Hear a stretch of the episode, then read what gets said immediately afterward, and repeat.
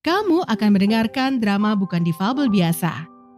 Di episode sebelumnya, Rafa tersadar dari koma yang reaksinya membuat Amirah kebingungan.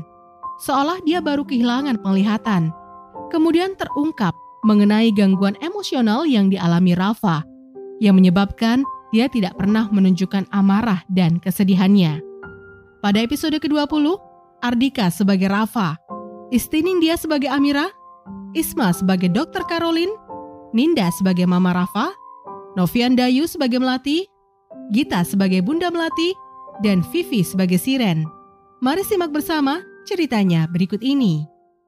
Pada umumnya, seseorang yang kehilangan penglihatan akan sulit menerima kenyataan. Emosinya tidak stabil dan menjadi lebih sensitif. Rafa tidak seperti itu. Sejak kecil, Rafa anak yang penurut. Jarang menangis, jarang marah. Saat memiliki adik pun dia sering mengalah dengan adiknya. Lalu, bagaimana cara Rafa mengekspresikan kesedihan dan kemarahannya? Dia hanya akan berdiam diri. Terkadang saya melihat matanya berkaca-kaca. Bila saya tahu, dia akan sembunyi. Jika dia marah, dia malah melempar senyum. Kemudian dia pergi. Cobalah buat Rafa mampu meluapkan semua emosi terpendamnya. Dan jangan paksakan kondisi yang tak mampu dia pikul sendiri. Apakah karena... Kenapa? Oh, nggak apa-apa dok. Mama Rafa terdiam tampak berpikir, namun akhirnya mengerti maksud dokter Caroline. Beliau pun kembali ke kamar perawatan Rafa dengan perasaan sedih. Selama ini Rafa adalah anak termanis yang pernah ada. Sejak kecil selalu mendapatkan pujian dari para orang tua teman-temannya karena sikap Rafa yang tak pernah marah jika diganggu atau direbut mainannya. Dan jika dia terjatuh atau terluka, tak pernah menangis walau ekspresinya hanya sekedar meringis menahan sakit. Namun ternyata itu bukanlah hal wajar bagi seorang anak kecil. Semua rasa itu dipendam sendiri oleh putranya. Selama ini beliau merasa selalu memberikan yang terbaik, namun mengabaikan jiwa putranya. Masa anak-anak adalah masa di mana anak-anak akan menunjukkan emosi apa adanya. Namun ternyata tidak dengan Rafa.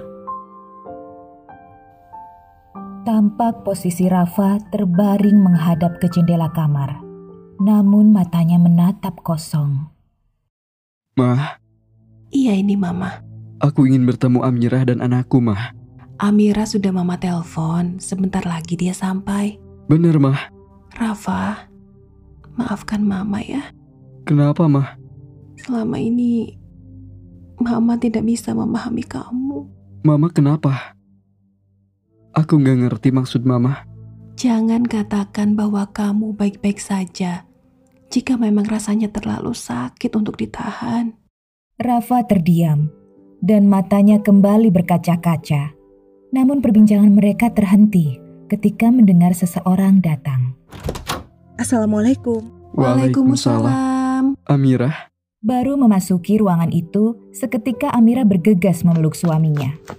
Mama Rafa tersenyum melihat Rafa dan Amira melepas kerinduan mereka. Aku nggak mau melepas pelukan ini.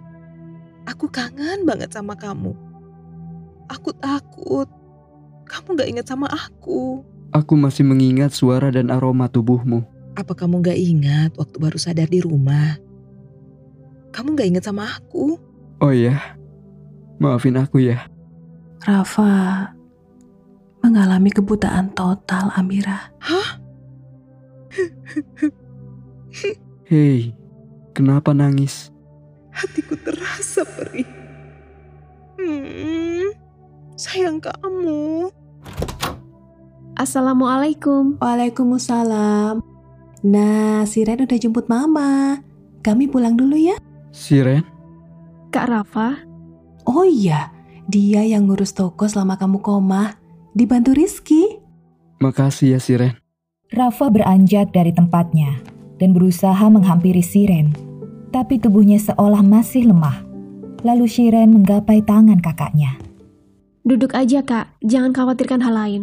Pulihkan dulu kondisi kakak. Kamu pasti jadi sibuk banget.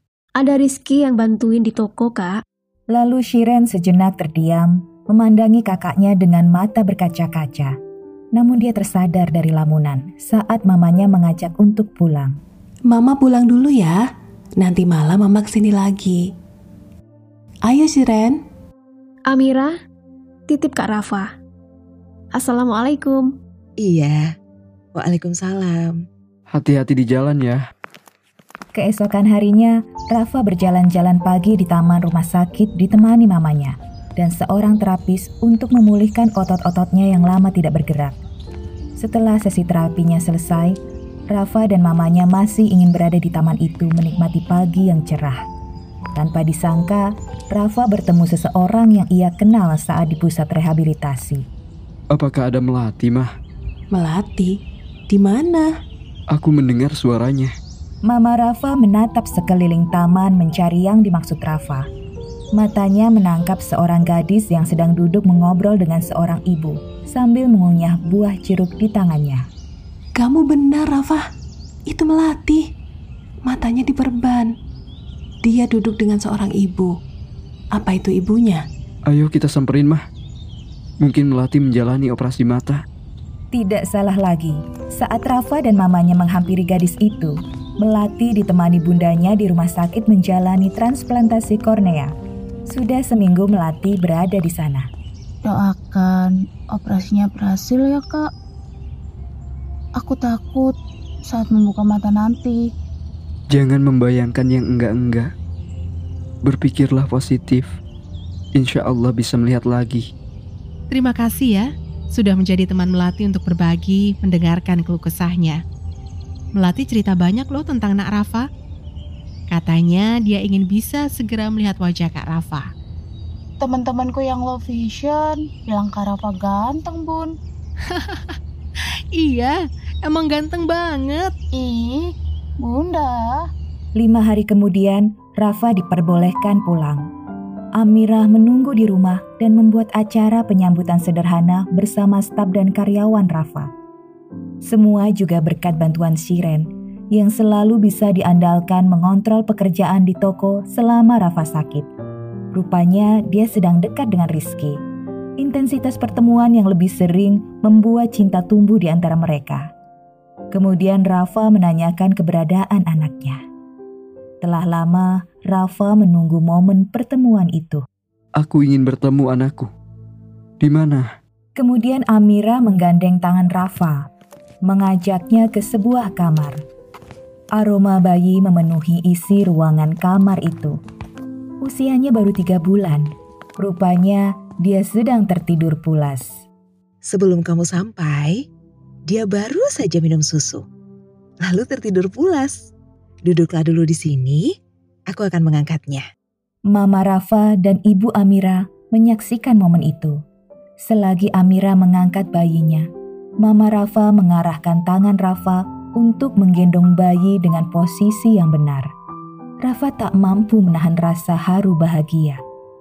Bayi mungil itu berada dalam pangkuannya, walau dia tak bisa melihatnya. Tapi dia bisa menyentuh matanya, hidungnya, bibirnya, dan jari jemarinya yang mungil dengan indera perabanya. Rasa itu hadir lagi Aku ingin sekali bisa melihat wajah putraku. Namun pada satu titik, Tuhan membuatku amar fatih. Jatuh cinta pada takdirnya. Buruk sangkaku sebagai manusia yang kehilangan cahaya. Sedang indah-indahnya menikmati dunia, membuatku berontak. Hingga pada satu titik lelah. Lelah yang membuatku harus menerima takdirnya yang pahit namun, harus disadari bahwa musibah dan anugerah juga adalah bagian dari takdir. Kebutaan adalah prosesku menjadi manusia. Proses yang tidak pernah berhenti memproduksi banyak makna hidup. Yang akan menjadi proses penyembuhan diri dari gejala depresi hidup ini. Aku percaya proses melahirkan makna baru yang bisa menyembuhkan luka tidak ada tolak ukur pasti. Bagusnya hidup seperti apa? Semua ini mengajarkanku untuk berkata, Ini memang sudah seharusnya terjadi. Bukan seperti kataku dahulu yang sering bertanya, kenapa ini terjadi pada hidupku? Rafa tak mampu lagi menahan bulir hangat di matanya. Air matanya mengalir sebagai rasa haru dan syukur karena telah mampu melewati setiap jengkal aral kehidupan, meski dalam kegelapan. Makasih Amirah, masih mau bertahan bersamaku. Aku yang merasa beruntung memilikimu. Kamu telah mampu menembus keterbatasanmu dan selalu membuatku terkagum. Jangan khawatirkan tentang apa pun lagi. Karena beberapa hal bisa terjadi di luar kendali kita sebagai manusia.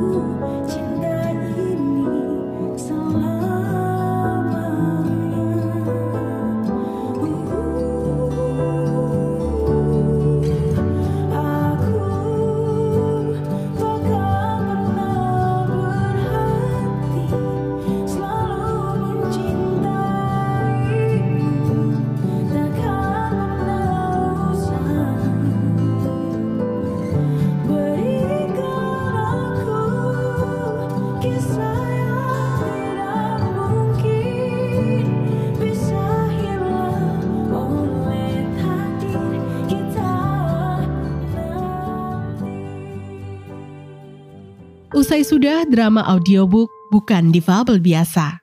Pada akhirnya, Rafa dapat membuktikan bahwa dirinya bukanlah difabel biasa.